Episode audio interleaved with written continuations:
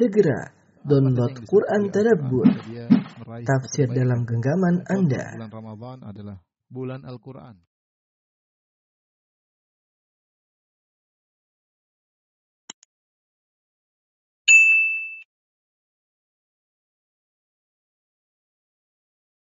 Bismillahirrahmanirrahim. Assalamualaikum warahmatullahi wabarakatuh. Alhamdulillahi ala ihsanih wa syukru ala taufiqihi wa amtinanih wa asyhadu an la ilaha illallah wahdahu la syarika lahu ta'ziman li sya'nih wa asyhadu anna Muhammadan abduhu wa rasuluh da'ila ridwanih Allahumma salli alaihi wa ala alihi wa ashabihi wa ikhwanih. Para ikhwan dan akhwat di Oman dan Abu Dhabi dan juga di tempat-tempat yang lainnya. Alhamdulillah pada kesempatan kali ini kita bisa bertemu kembali meskipun melalui Zoom ya. Dan juga media sosial ya.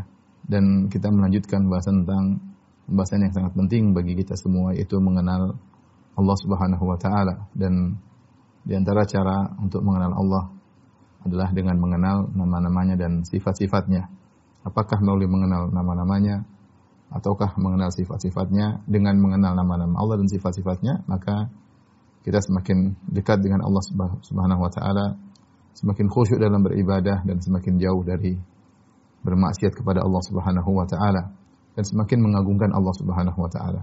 Pada kesempatan yang berbahagia ini kita akan bahas salah satu nama Allah yang sangat dikenal dan banyak kaum muslimin menggunakan nama tersebut sebagai uh, nama ya yaitu Al-Muqsit ya Al-Muqsit Al-Muqsid. Uh, dan kita sering orang namanya Abdul Muqsid ya banyak sekali sering sekali orang namanya uh, Abdul Muqsid. Al Muqsid secara bahasa artinya adalah yang maha adil ya, yang maha adil. Uh, sebelum kita melanjutkan lebih jauh, nama Al Muqsid ini diperselisihkan oleh para ulama apakah dia termasuk nama Allah atau tidak ya. Jadi sendiri ada ada khilaf ya. Khilaf di kalangan para ulama ya. Apakah dia termasuk nama Allah Subhanahu wa taala tidak? Mayoritas ulama ya. Jumhur mayoritas tidak memasukkan al-muqsid dari nama Allah. Al-muqsid ya, bukan nama Allah. Bukan nama Allah. Meskipun secara secara makna oke, okay, maha adil semua orang tidak ada yang ragu bahwasanya Allah Subhanahu wa taala Maha Maha adil. Tapi memasukkan al-muqsid adalah dari nama Allah maka ini ada khilaf dan jumhur ulama mengatakan tidak. Eh, sebagian ulama ya sebagian ulama memasukkan ya. Seperti eh, menyatakan al-muqsid termasuk ya. Al-muqsid termasuk nama Allah. Di antara enam uh, ulama tersebut seperti adalah Al-Ghazali ya. Al-Ghazali Abu Hamid Al-Ghazali dan ini saya dapatkan cuma dari pernyataan Abdul Abu Hamid Al-Ghazali dari kitabnya uh, Al-Maqsad Al-Asna fi Syarh Asma Al-Husna. Al-Ghazali dia menyebutkan di antara nama-nama Allah adalah Al-Muqsid. Kalau dari antara ulama-ulama sekarang seperti Syekh Saleh Al-Syekh ya. Syekh Saleh Al-Syekh hafizahullah taala ya. Beliau juga memasukkan uh, al-muqsid termasuk nama-nama Allah. Adapun jumhur ulama seperti dalam kitabnya Al-Qurtubi bahkan dalam kitabnya Ar-Razi kemudian juga uh, demikian juga Syekh Abdul Razak hafizahullah taala dan semoga Allah merahmati seluruh para ulama mereka tidak memasukkan Syekh Utsaimin dan yang lain tidak memasukkan al-muqsid dalam nama Allah. Kenapa? Karena lafal al-muqsid sebagai nama Allah tidak datang dalam nas. Baik dalam Al-Quran maupun dalam hadis. Dalam Al-Quran maupun hadis. Tidak datang sama sekali dalam Al-Quran maupun dalam hadis ya. Sehingga uh, kita tahu di antara syarat atau uh, ya di antara syarat nama-nama Allah dia harus tauqifi Tauqif itu harus bersandar kepada dalil. Kalau tidak ada dalilnya, maka maka tidak dikatakan itu adalah nama Allah Subhanahu wa taala. Namun seperti pernah kita sampaikan di awal-awal dahulu, para ulama ketika uh, untuk menunjukkan satu nama Allah atau bukan, mereka punya beberapa metode di antaranya di, di antaranya mereka ada yang beristihad ya, mengambil dari sifat-sifat Allah ya. Tapi yang benar uh, nama Allah harus diambil dari dalam bentuk uh, isim fa'il ya. Isim fa'il. Jadi tidak ada dalam Al-Qur'an maupun hadis makna al-muqsid ya. Makna al-muqsid itu tidak tidak ada sebagai nama Allah. Adapun sebagai maknanya Allah adalah al-muqsid yang maha adil tentunya disepakati oleh para ulama. Makanya hanya segelintir kecil ulama yang memasukkan al-muqsid termasuk dari nama Allah. Ingat, mereka berselisih tentang makna. Adapun sifat Allah sebagai muksid, maka tidak ada yang meragukan akan hal tersebut. Ya. Ini khilaf eh, tentang nama Allah ya, tentang nama. Ya perhatikan. Adapun terkait dengan sifat, maka semua orang sepakat ya. Adapun terkait sifat, sifat Allah Maha Adil, maka semua sepakat. Semua sepakat. Tidak ada yang hilap akan hal ini karena memang Allah Maha Adil dan Allah benci akan kezaliman. Semua ulama sepakat. Tapi ini uh, terkait dengan apa namanya? Uh, uh, khilaf tentang al-muqsid termasuk nama Allah uh, atau bukan ya. Baik, selanjutnya kita akan bahas tentang uh, makna al-muqsid itu sendiri ya. Makna al-muqsid.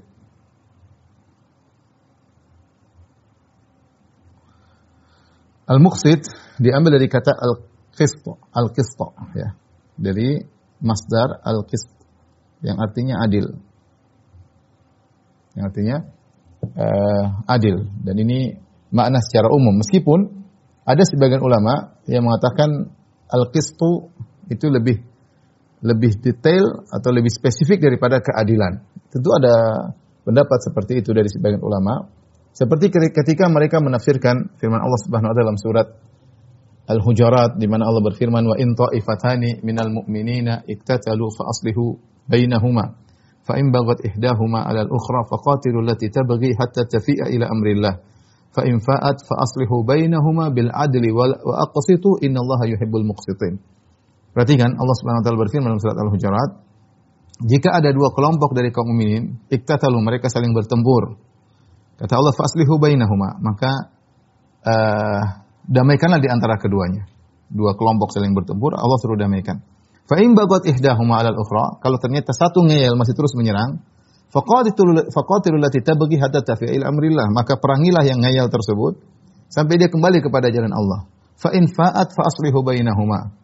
Jika ternyata dia kembali, kemudian dia sadar, kata Allah, fa'aslihu bainahuma, maka damaikanlah di antara kedua kelompok tersebut, bil adli wa aqsitu. Kata Allah, damaikanlah dengan keadilan dan berbuat kistolah, berbuatlah adil. Jadi di sini Allah mengatakan fa'aslihu bil adli wal aqsitu. Damaikanlah dengan keadilan dengan al-qisto.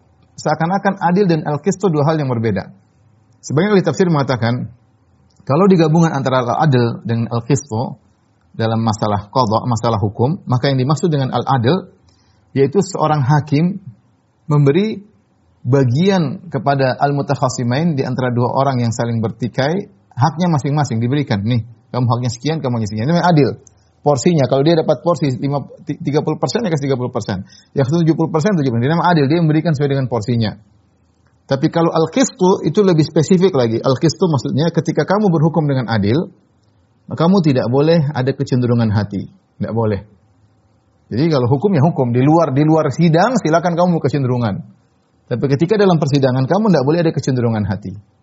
Contoh sebenarnya mengatakan contohnya misalnya ada si A dan si B berhukum di hadapan engkau. Kamu sayang kepada si A. Kamu sudah adil. Si A dapat 30%, si B dapat 70%. Misalnya setelah dihitung-hitung hak dia 30%, hak B 70%. Tetapi ternyata ketika di ruang pengadilan kamu bilang kamu karena kamu sayang sama si A, kamu, kamu duduk dekat sini. Dengan memposisikan dia duduk dekat dengan kamu, itu kamu tidak al-kisto. Meskipun kamu adil dalam menghukum. Jadi dia dekat sini. Atau ketika kamu panggil kamu dengan senyum, wahai si fulan sama si B kamu mukanya sangar, itu tidak boleh. Jadi ketika dalam persidangan tidak boleh seorang ada kecenderungan hati karena dia dituntut bukan hanya sekedar adil, tapi itu juga untuk melakukan al-qistu. Ini pendapat sebagian ulama yang mengatakan al-qistu lebih spesifik daripada al-adil. Tapi intinya secara makna umum, al-qistu adalah uh, keadilan ya. Adalah uh, keadilan. Dan adapun uh, al-qasid kalau orang yang adil jadi al ada namanya al-qasid. Al-qasid itu isim fa'il dari al-qist. Isim fa'il dari al-qistu. Nah, al-qasid ini sendiri dalam bahasa Arab termasuk daripada al-abdad. Al-abdad itu adalah makna yang bisa apa namanya maknanya bisa menunjukkan suatu makna sekaligus kebalikannya tergantung uh, konteks yang sedang ada kalimat tersebut. Jadi satu kata atau kalimat yang maknanya bisa menunjukkan dua makna ya. Jadi dalam bahasa Arab ada beberapa atau atau banyak kata yang maknanya seperti al-abdad. Terkadang maknanya begini, terkadang maknanya begini, terkadang maknanya berlawanan. Jadi al-qasid bisa artinya al-adil tapi di lain sisi dia juga bisa maknanya adalah al-zalim. Tergantung konteks. Misalnya kalau kita sedang memuji rajul qasid, dia seorang yang adil. Ya, kita kalau sedang memuji orang tahu maknanya al-qasid lah adil. Tapi kalau kita sedang mencela atau konteks menunjukkan celaan, maka al-qasid maknanya adalah al-zalim. Seperti firman Allah Subhanahu wa taala tentang para jin, wa ammal qasituna fakanu li jahannam hataba. Adapun jin-jin yang tidak adil atau yang zalim membuat kesyirikan, fakanu li jahannam hataba maka mereka akan menjadi bahan bakar bagi neraka jahanam. Ya, jin-jin akan menjadi bahan bakar bagi neraka jahanam. Inilah secara sederhana tentang makna uh, al-muqsit ya dari al-qist yang artinya adalah uh, uh, keadilan ya. Ya. Dan pada kesempatan ini katakan bahas kita akan bahas tentang kata-kata adil dalam Al-Qur'an yang menunjukkan Allah memiliki sifat keadilan ya. Baru kemudian kita jelaskan apa makna al-muqsid bagi Allah Subhanahu wa taala. Jadi kita akan bahas tiga poin. Yang pertama, kata-kata keadilan dalam Al-Qur'an, makna al-qist dalam Al-Qur'an itu banyak. Yang kedua, apa makna uh, Allah memiliki sifat adil? Yang ketiga, apa yang bisa kita lakukan dengan nama Allah ini, al-muqsid atau dengan sifat Allah al-qist ini ya. Baik. Uh, berikutnya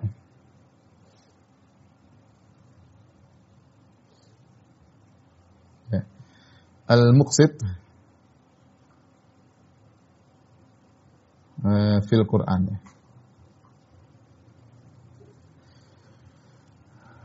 Contohnya uh, dalam Al-Quran Allah jelaskan bahwasanya Allah meletakkan keadilan ya.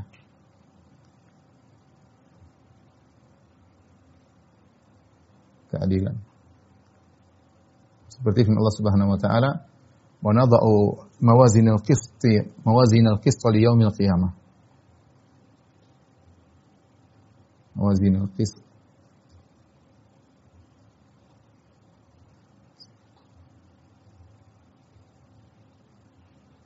فلا tuzlamu nafsun شيئا وضع الموازين القسط mawazin القيامة ليوم القيامة فلا تظلم نفس شيئا qiyamah tuzlamu nafsun ya. Pada hari kiamat kelak kami akan meletakkan mawazin al-qist li yaumil qiyamah.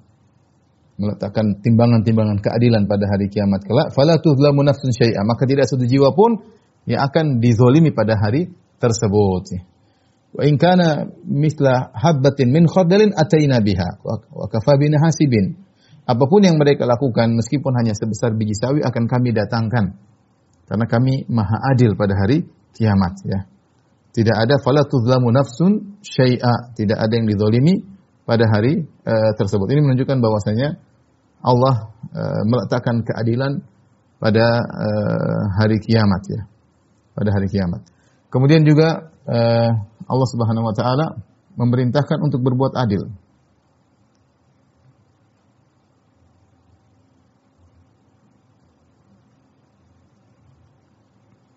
Dan ini juga Eh, banyak dalam Al-Qur'an seperti firman Allah Subhanahu wa taala wa in wa in hakamta fahkum bainahum uh, bil qist kata Allah wa in kepada Nabi sallallahu alaihi wasallam wa in hakamta fahkum bainahum bil qist. Kalau engkau berhukum wahai Muhammad, ya, maka berhukumlah dengan adil. Kata Allah Subhanahu wa taala, jika engkau berhukum di antara mereka, berhukumlah dengan adil. Jadi Allah perintahkan untuk berbuat keadilan. Wazinu bil qistasil mustaqim. Seperti Allah Subhanahu wa taala, wazinu bil qistas al mustaqim. Allah juga suruh untuk menimbang dengan dengan uh, adil ya. Allah juga berfirman, ya ayyuhalladzina amanu kunu qawamina syuhada syuhada lillahi bil qist. Ya. Kata Allah syuhada lillahi bil qist. Wahai orang-orang beriman, jadilah engkau kalian menjadi orang-orang yang adil. Bahkan kata Allah, "Wala yajrimannakum syana'anu qaumin ala alla ta'dilu." Jangan sampai kebencian kalian kepada satu kaum membuat kalian tidak adil. I'dilu huwa aqrabu taqwa. Berbuat adillah sungguhnya itu lebih dekat kepada ketakwaan. Allah suruh berbuat adil bahkan dalam berkata, dalam berucap, dalam menghukum Allah suruh kita berbuat adil. Bahkan ayat ini dalam surat Al-Maidah ini terkait dengan orang-orang kafir. Allah menyuruh orang beriman untuk berhukum adil kepada orang kafir. Bahkan Allah mengatakan wala yajrimannakum syana'anu qaumin Ala Allah ta'dilu jangan sampai kebencian kalian kepada suatu kaum membuat kalian tidak adil kepada kaum tersebut. Jadi ini peringatan bagi kita semua untuk adil dalam berbicara, dalam memfonis, dalam berhukum. Karena kita kalau sudah benci kepada seorang, terkadang kita menyampaikan hukum tentang orang tersebut berlebihan. Kita tambah-tambahin. Ketika kita mensifati orang yang kita tidak sukai tersebut dengan sifat-sifat yang berlebihan, kita tidak adil, maka kita terjerumus dalam kezaliman dalam kezaliman. Bahkan terhadap orang kafir. Kita orang kafir ini begini-begini, padahal tidak seperti itu, ah, kita zalim. Karena meskipun kita benci, mungkin dia menjengkelkan, mungkin dia memusuhi Islam, tapi kita nggak boleh mensifati dia berlebihan daripada yang seharusnya. Lihatlah bagaimana kaum muslimin disuruh oleh Allah Subhanahu wa taala untuk berbuat adil bahkan kepada orang-orang yang uh, dibenci. Apalagi apatah lagi sesama kaum muslimin. Ini tidak boleh kita uh, ber, tidak adil kepada mereka. Seperti sebagian ahlu sunnah mungkin tidak suka sama sebagian ahlu bid'ah, kemudian disifati berlebih-lebihan. Nah, ini tidak boleh. Harus disampaikan sesuai dengan kadar yang benar-benar seperti itu. Ya, benar-benar seperti seperti itu. Ya. Lihat bagaimana praktik praktik Ibnu rahimahullah taala ketika beliau sedang membantah eh, orang-orang ahlul bid'ah, beliau bantah dengan keadilan. Beliau munsif, kalau mensifati suatu kesalahan sesuai dengan kesalahan tersebut, tidak ditambah-tambahin, tidak dibumbu-bumbuin. Kita harus harus demikian. Pada siapa pun orang yang mendolimi kita, kita harus kalau berbicara harus adil. Makanya Ibn Taimiyah rahimahullah punya perkataan yang sangat indah dalam Minhajus Sunnah Nabawiyah. Dia berkata ahlu sunnah a'lamun nasi bil haq wa arhamuhum bil khalq. Ahlu sunnah adalah orang yang paling tahu tentang kebenaran dan paling sayang kepada sesama manusia. Artinya ketika kita tidak suka sama suatu kaum, kalau kita sifati mereka harus dengan keadilan. Jangan kita berlebih-lebihan nambah-nambahin. Kita bohong atas dia nggak ngomong gitu, kita bohong atas nama dia sehingga kita terjerumus dalam kezaliman. Adapun kita digituin, kita di, tidak diadili oleh alul bidah sering kita rasakan. Dituduh kita suka mengkafirkan, dituduh beginilah, dibuat keyakinan yang tidak-tidak, dibilang eh, ahlus sunnah Tuhannya seperti anak muda lah. Macam-macam, tapi ya itu jangan kita balas. ya Jangan kita balas. Kita diperintahkan oleh Allah, ya ayyuhalladzina amanu kunu qawwamina lillahi syuhada bil qist. Ya, hendaknya kalian eh, adil. Ya. Bahkan Allah mengatakan, "Wa yajrimannakum syana'anu qaumin ala alla ta'dilu." Janganlah kalian karena benci kepada suatu kaum, akhirnya kalian tidak tidak bersifat adil. Ini perintah dari Allah Subhanahu wa taala eh, untuk berbuat adil. Seperti juga firman Allah Subhanahu wa taala, "Wa aqimul wazna bil qisti wa la tukhsirul mizan." ya wa aqimul wazna bil qist tegakkanlah timbangan ya dengan adil. Wala tukhsirul mizan dan jangan kurangi timbangan. Subhanallah ini ujian berat bagi para pedagang. Mereka terang mengurangi timbangan. Bahkan kalau kita bisa tambah-tambahin dikit lebih bagus lebih aman. Kita jual misalnya 3 kilo tambahin sedikit. Satu setengah on satu on sedikit aman lebih bagus daripada kurang. Kalau kita sudah berusaha nggak? Nggak ada masalah. Yang penting Allah tahu kita sudah berusaha seadil-adilnya. Tetapi sebagian orang ketika menjual disuruh untuk dikurangi. Itu perintah dari distributor, kamu jual tulis 3 kilo tapi kalau dimasukin 2,75 atau 2,85 kilo. Ada teman saya sampai bubar jualannya karena dipaksa. Subhanallah. Cari keuntungan, kemudian disiksa hari kiamat kelak. Wa qimul wazna bil qist. Kalau timbang, jual timbangan dengan dengan adil, jangan dikurang-kurangi, jangan kita bohongi. Berikan hak orang eh, sesuai dengan haknya. Kemudian di antaranya ya eh, Allah Subhanahu wa taala tentunya dalam banyak ayat juga eh, mengharamkan mengharamkan kezaliman.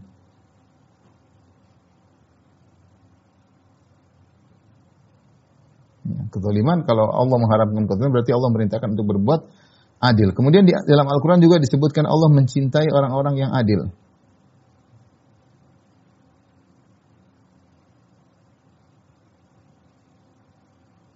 Allah mencintai orang yang adil.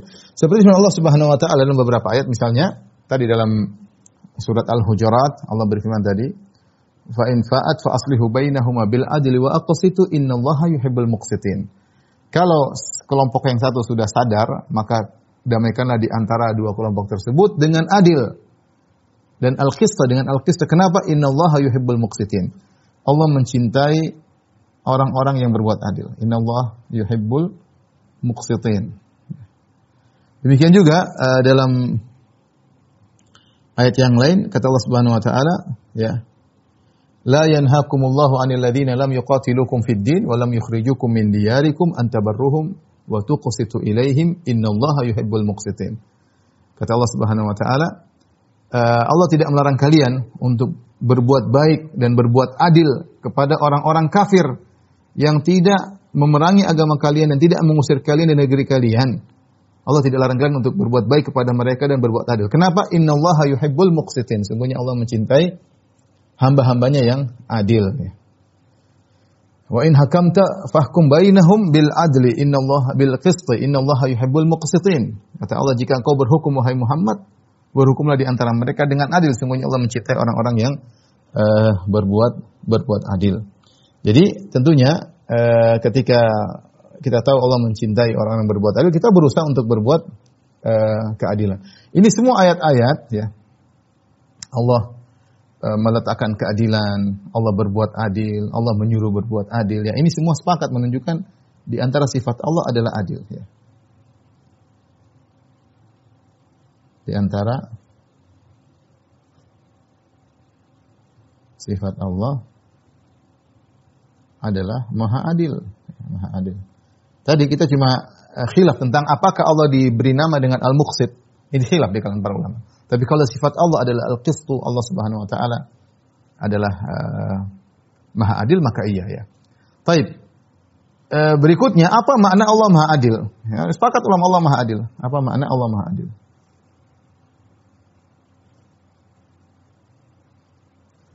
Makna Allah Maha Adil.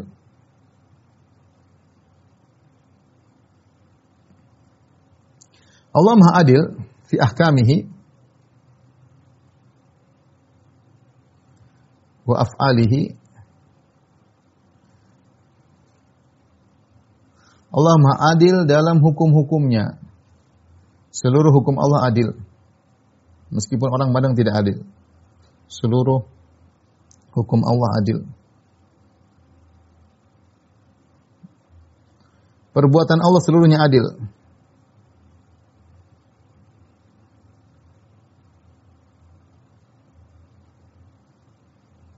Ya. Seluruh hukum Allah adil meskipun sebagian orang menganggap tidak adil. Contoh yang dianggap tidak adil misalnya apa? Misalnya adalah kisos. Banyak orang anti kisos. Ya. Dianggap tidak adil. Gimana tidak adil? Walakum fil kisasi hayatun. Bil aini wal anfa bil anfi was sinna wal bis sinni wal juruha kisas. Kami tetapkan bahwasanya terhadap Bani Israel bahwasanya siapa yang bunuh dia harus dibunuh Ya, barang siapa yang merusak mata orang, matanya juga dirusak. Siapa yang merusak hidung orang, hidung juga dirusak. Siapa yang matakan gigi orang, giginya juga dirusak. Siapa yang melukai, dia juga dilukai. Wal juruha kisas. Semuanya ada kisas. Adil atau tidak? Adil. Yang bunuh ya dibunuh. Kata Allah, walakum fil kisasi hayatun. Pada praktek kisas ada kehidupan. Yang sudah saya bahas pada pertemuan sebelumnya. Dengan dipraktekkan kisah, orang apa ini tidak humanisme, tidak Justru tidak dipraktekkan kisah, maka tidak ada humanisme. Betapa banyak orang tidak diperhatikan kisos, orang mudah membunuh orang lain. Dia bunuh orang dia dia peduli karena dia yakin dia tidak akan dibunuh. Kemudian belum lagi terjadi pembalasan. Dua orang saling bunuh, rentetannya sampai keluarga, sampai kabilah-kabilah, sampai berlanjut, sampai puluhan tahun suku dengan suku. Ya, kenapa? Karena tidak ada praktek kisos. Tapi kalau ada kisos selesai. Dua orang bermasalah, satu dibunuh selesai. Penguasa mempraktikkan kisos berhenti. Maka dalam praktek kisos ada kehidupan. Meskipun orang menganggap tidak tidak adil. Contoh kisos adalah keadilan. Contoh juga misalnya warisan. Orang bilang tidak adil tentang wanita dan laki-laki. Allah Maha Adil. Allah yang tahu tentang bagaimana yang harusnya terjadinya uh, warisan ya. Laki-laki bagaimana, perempuan bagaimana, ya. Kapan dua banding satu, kapan tidak berbanding dua banding satu. Semuanya sudah diatur oleh Allah, ya. Dan Allah lebih tahu tentang makhluknya dan hukum-hukum yang berlaku bagi makhluknya, ya. Contoh misalnya dalam syariat apa? Uh, poligami ini pembahasannya tentu pembahasan panjang lebar, tetapi saya cuma kasih isyarat bahwasanya pada praktek tersebut banyak ya, kemaslahatan dilihat oleh Allah Subhanahu wa taala dan tentu dengan persyaratan yang ketat dari syariat untuk bisa melaksanakannya. Meskipun orang tidak menganggap itu suatu keadilan, itu adalah suatu keadilan yang berlaku bagi masyarakat secara makro, bukan secara mikro. Kita memandang kaum muslimin secara makro. Itu dia sebanyak wanita dengan berbagai macam statusnya, ada yang gadis, ada yang janda, ada yang ini, ada yang banyak hal.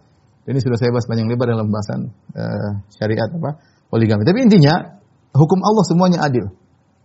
Hukum Allah semuanya adil. Lihatlah suatu negara kalau melaksanakan hukum Allah, maka mereka akan akan nyaman dan tentram, akan jauh dari kriminal dan akan hidup dengan tenang.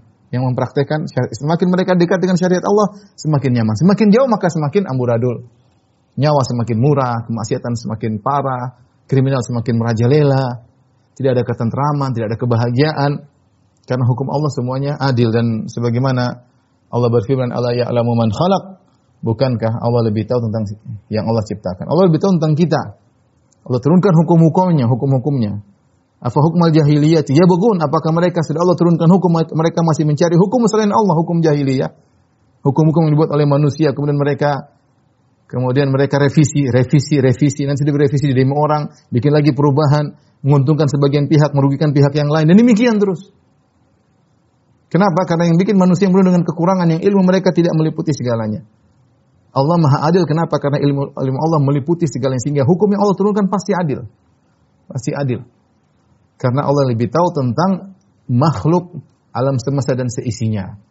Allah lebih tahu, ya. Maka hukum Allah adalah hukum yang paling adil. Maka tidak boleh seorang berhukum dengan selain hukum Allah Subhanahu wa taala. Jadi kalau ada yang coba berhukum dengan hukum selain Allah, kita tanya, mana lebih adil, Tuhan atau kamu?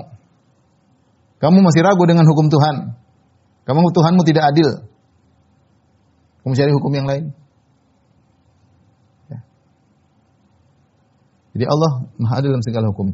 Kemudian Allah maha adil dalam segala perbuatannya. Allah melakukan segala perbuatan, Allah menciptakan, Allah menghidupkan, Allah mematikan, Allah menimbulkan bencana, Allah menghukum, Allah mengadab, Allah memberikan nikmat, Allah menjadikan ini, Allah menjadikan semuanya Allah Maha Adil. Tidak ada ketetapan Allah yang tidak adil. Tetapi kadang otak kita ini terbatas kita memandang adil sebagian orang misalnya sering bertanya Ustaz gimana adil ini satu ditakdirkan kaya, satu ditakdirkan miskin misalnya. Gimana adil Ustaz? Dia bilang keadilan tersebut kau hanya pandang pada sisi mikro itu ketika di dunia. Kenapa si fulan kaya, kenapa si fulan miskin? Tapi kalau kau tinjau dari uh, secara keseluruhan dunia dan akhirat, maka kau akan tahu bahwasanya dalam ketetapan Allah si fulan miskin, si fulan kaya, ya. Ini semua ada keadilan. Kenapa? Karena kesabaran pahalanya besar misalnya. Pada hari kiamat kelak betapa banyak orang yang tidak diuji, ingin diuji di dunia. Kalau bisa dikembalikan ingin diuji karena mereka tahu pahalanya sangat sangat besar. Orang miskin mungkin dia cuma sedekah dengan satu dirham bisa mengalahkan ratusan dirham orang kaya. Karena kenapa? Satu dirham yang dia miliki dia ikhlas dan mungkin setengah dari hartanya. Yang itu cuma seratus dirham mungkin seperseratus dari hartanya. Jadi Allah punya punya cara sendiri. Allah maha adil. Ya. Satunya tampan, satunya wajah pas-pasan. Ya, bersyukurlah yang wajah pas-pasan. Kalau tampan mungkin jadi mungkin jadi uh, tukang maksiat, pezina, jadi gay dan macam-macam ya. Kalau wajah pas-pasan siapa yang mau naksir? Maksud saya, kita ini nggak tahu. Yang tahu sebenarnya Allah Subhanahu wa taala. Kenapa si fulan kaya saya miskin? Kamu kaya mungkin kamu jadi penjahat, kamu jadi ini, kamu ah, kita nggak tahu. Udahlah masing-masing ada ujiannya. Masing-masing ada ujiannya ya. Ya. Tapi kalau kamu maksiat ya fala ya fala ya lumanna ila nafsah. Ya. Faman wajada ghaira dzalik fala yalamunna ila nafsah. Kata Nabi wasallam bersungguh-sungguh beribadah. Ya. Siapa yang beribadah dia akan lihat hasilnya. Kalau dia dapat kebaikan, maka itu dia yang suka di akhirat. Kalau dia dapat ternyata di akhirat setannya keburukan, fala yalumanna ila nafsa, maka janganlah dia mencela kecuali dirinya sendiri. Maka dalam segala takdir Allah pasti Allah Maha Maha adil bagi orang yang mau merenungkan. Dan itu orang bilang tidak adil karena dia hanya melihat pada e, mikro cuma dunia yang hidup cuma 60 tahun, 70 tahun. Tapi kalau dia melihat dari secara hukum Allah secara total, hukum dunia maupun hukum akhirat, maka dia tahu bahwasanya Allah Maha adil. Allah Maha adil. Oleh karenanya di antara keadaan Allah di akhirat Allah mengatakan ya uh, la tuzla la, apa namanya uh, la zulmal yaum ya tidak ada kezaliman pada hari kiamat. Fala tuzlamu nafsun syai'a ya tidak ada jiwa yang akan dizolimi sama sekali ya pada hari kiamat semuanya akan ditegakkan keadilan ya. Jangankan manusia bahkan hewan pun di diadili oleh Allah Subhanahu wa taala kata Rasulullah sallallahu alaihi wasallam uh, la tu'addunna al-huquqa ila ahliha yaumal qiyamah hatta uh, yuqtassu li syatin jalha uh, min syatil qarna. Kata Nabi sallallahu alaihi wasallam sungguh akan ditegakkan kisah hak-hak akan dikembalikan pada hari kiamat kelak sampai kambing yang tidak bertanduk akan mengambil haknya dari kambing yang bertanduk. Jangankan manusia hewan pun Allah tegakkan keadilan. Ya. Allah akan tegakkan keadilan. Jangan manusia hewan pun demikian. Jadi kalau kita tahu Allah Maha Adil di hari kiamat kelak jangan terlalu bersedih kalau ada kita diambil, jangan khawatir akan kembali. Dan jangan bersenang-senang kalau kau ambil hak orang lain, kau pasti akan mengembalikannya pada hari hari kiamat kelak. Mungkin sedih hak kita diambil, tanah kita diambil, harta kita diambil, gaji kita dipotong, tidak apa-apa, boleh sedih tapi jangan terlalu bersedih. Kenapa hari kiamat akan kembali? Mungkin kita lebih butuh kepada hak tersebut pada hari kiamat daripada di dunia. Di dunia dapat duit buat selesai makan, minum, jalan-jalan selesai. Di akhirat kita butuh pahala. Allah menjadikan kita terzolimi, nanti hak tersebut karena kita ambil dengan sempurna pada hari yang sangat kita butuhkan hak tersebut. Jadi Allah Maha eh, Maha Adil. Yang menakjubkan di antara pernyataan Al-Ghazali dalam kitabnya Al-Maqsad Al-Asna, dia menyebutkan uh, di antara uh, puncak keadilan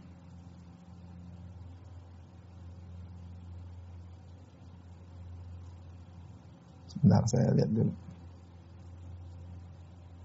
Al-Muqsit dalam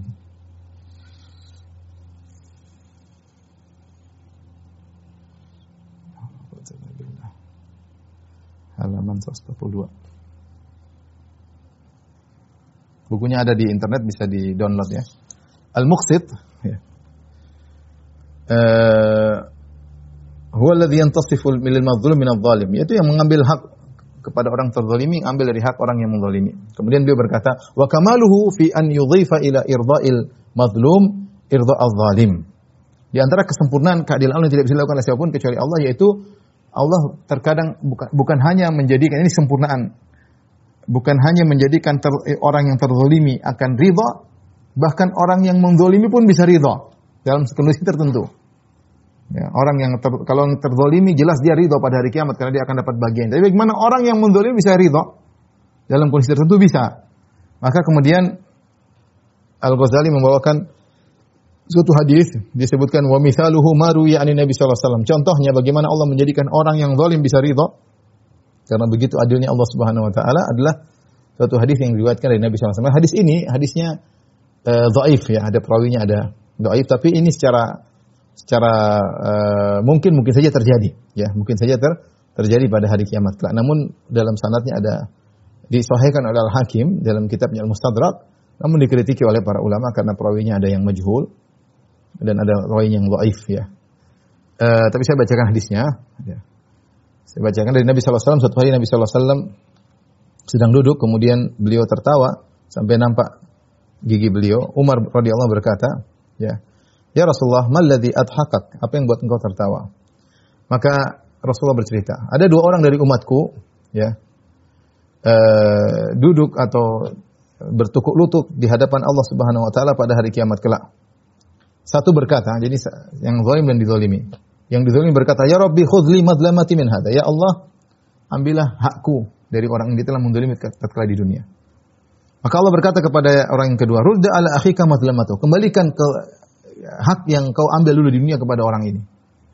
Kemudian apa kata orang yang mendolimi? Ya Rabbi lam yabqa li min hasanati syai. Ya Allah, tidak ada kebaikanku lagi. Sudah habis semua pahala kebaikan. Apa yang mau saya berikan kepada orang ini?